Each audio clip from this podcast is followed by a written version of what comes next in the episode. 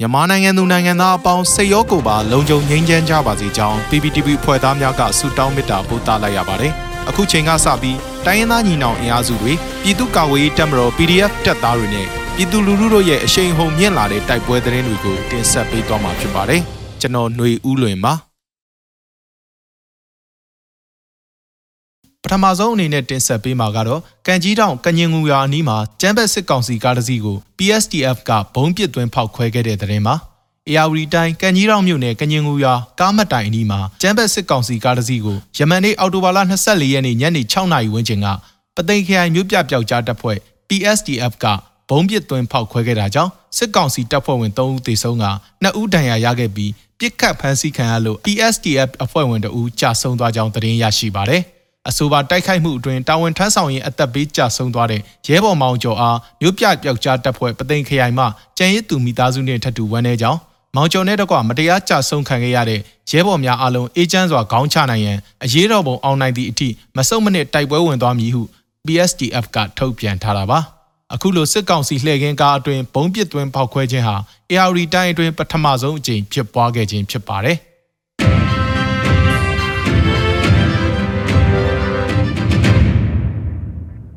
ဆက်လက်ပြီးလွိုက်ကော်ကဖဲခုံကိုချီတက်လာတဲ့စစ်ကောင်စီတပ်ကိုမိုးပြဲ PDF နဲ့ KND ပြည်သူ့ကာကွယ်ရေးတပ်ကပူးပေါင်းတိုက်ခိုက်ခဲ့လို့စစ်ကောင်စီတပ်သား10ဦးထပ်မံတေဆုံးခဲ့တဲ့တဲ့ရင်ကိုတင်ဆက်ပေးမှာပါ။ကရားပြည်နယ်မှာလွိုက်ကော်ကဖဲခုံကိုချီတက်လာတဲ့စစ်ကောင်စီတပ်ကိုမိုးပြဲ PDF နဲ့ KND ပြည်သူ့ကာကွယ်ရေးတပ် KNDF BO3 ကပူးပေါင်းတိုက်ခိုက်ခဲ့ရာစစ်ကောင်စီတပ်သား10ဦးထပ်မံတေဆုံးကြောင်းမိုးပြဲ PDF ကသတင်းထုတ်ပြန်ပါတယ်။ဒီနေ့အောက်တိုဘာလ25ရက်9နာရီဝန်းကျင်မှာ လွိုက်ကော်ကဖဲခုံကိုစစ်ကြောင်းထိုးလာတဲ့အကြမ်းဖက်စစ်ကောင်စီရင်နှန်းကိုမိုးပြဲမြို့အထွက်နားမှာ MPPDF နဲ့ KNDF BO3 တို့ကအသင်းဆောင်ကြိုပြီးပူးပေါင်းတိုက်ခိုက်ခဲ့ကြောင်းစစ်သား90ဝန်းကျင်ခန့်တင်ဆောင်လာတဲ့စစ်ကား၅စီးကို MPPDF နဲ့ KNDF BO3 တို့ကဒရဇက်ပစ်ခတ်တိုက်ခိုက်ခဲ့လို့အကြမ်းဖက်စစ်ကောင်စီက10ဦးထပ်မံတေဆုံးပြီးထိခိုက်ဒဏ်ရာရရှိမှုကိုခံမှန်းမရဘူးလို့ဆိုပါတယ်။တိုက်ပွဲ15မိနစ်ကြာမြင့်ပြီးနောက်ပြည်သူ့ကာကွယ်ရေးတပ်သားများအထိကိမရှိပြန်လည်ဆုတ်ခွာလာနိုင်ပါတယ်။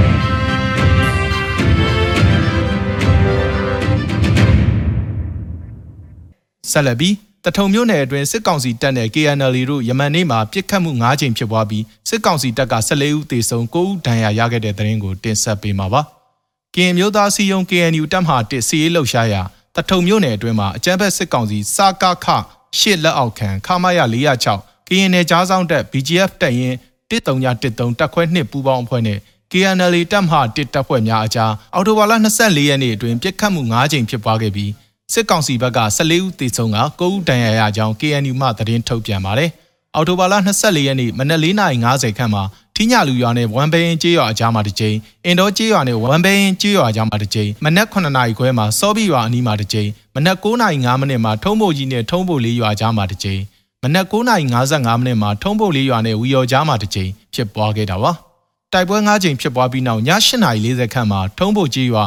ဘုံကြီးကျောင်းဝင်းအတွင်းတက်ဆွဲထားတဲ့တက်ခွဲမှုကြော်စင်လာဦးဆောင်တဲ့တပ်မ22ခမာရ201တပ်ရင်းက60မမစိန်မြောင်းများနဲ့တစ်ဖက်သက်ရန်တမ်းပြက်ခတ်ခဲ့တာကြောင့်ထုံးဘိုကြီးကြီးရွာအတွင်းလက်နက်ကြီးကြီးများကြားရောက်ပေါက်ကွဲပြီးနေအိမ်အချို့ပျက်စီးမှုရှိခဲ့တယ်လို့ KNU ရဲ့ထုတ်ပြန်ချက်မှာဖော်ပြထားပါတယ်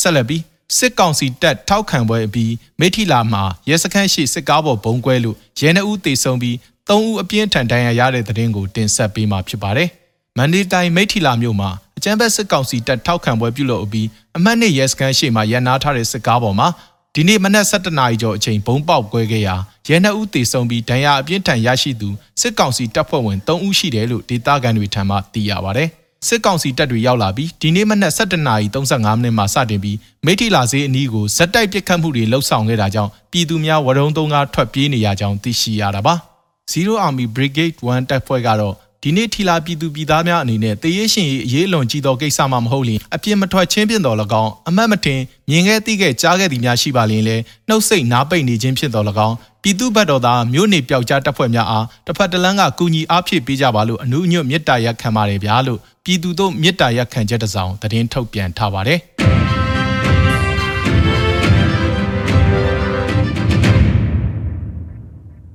ဆက်လက်ပြီးအမျိုးသားညီညွတ်ရေးအစိုးရ ပြည်ထရေးနဲ့လူဝင်မှုကြီးကြပ်ရေးဝန်ကြီးဌာနက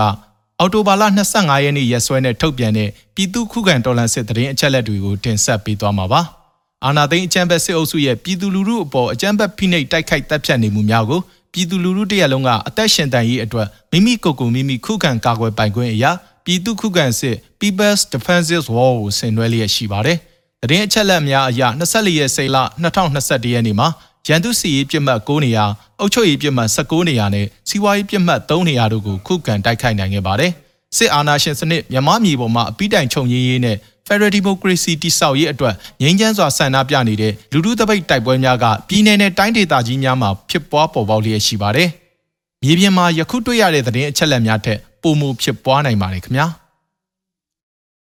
ရေတော်ဘုံအောင်ရမည်ရေတော်ဘုံအောင်ရမည်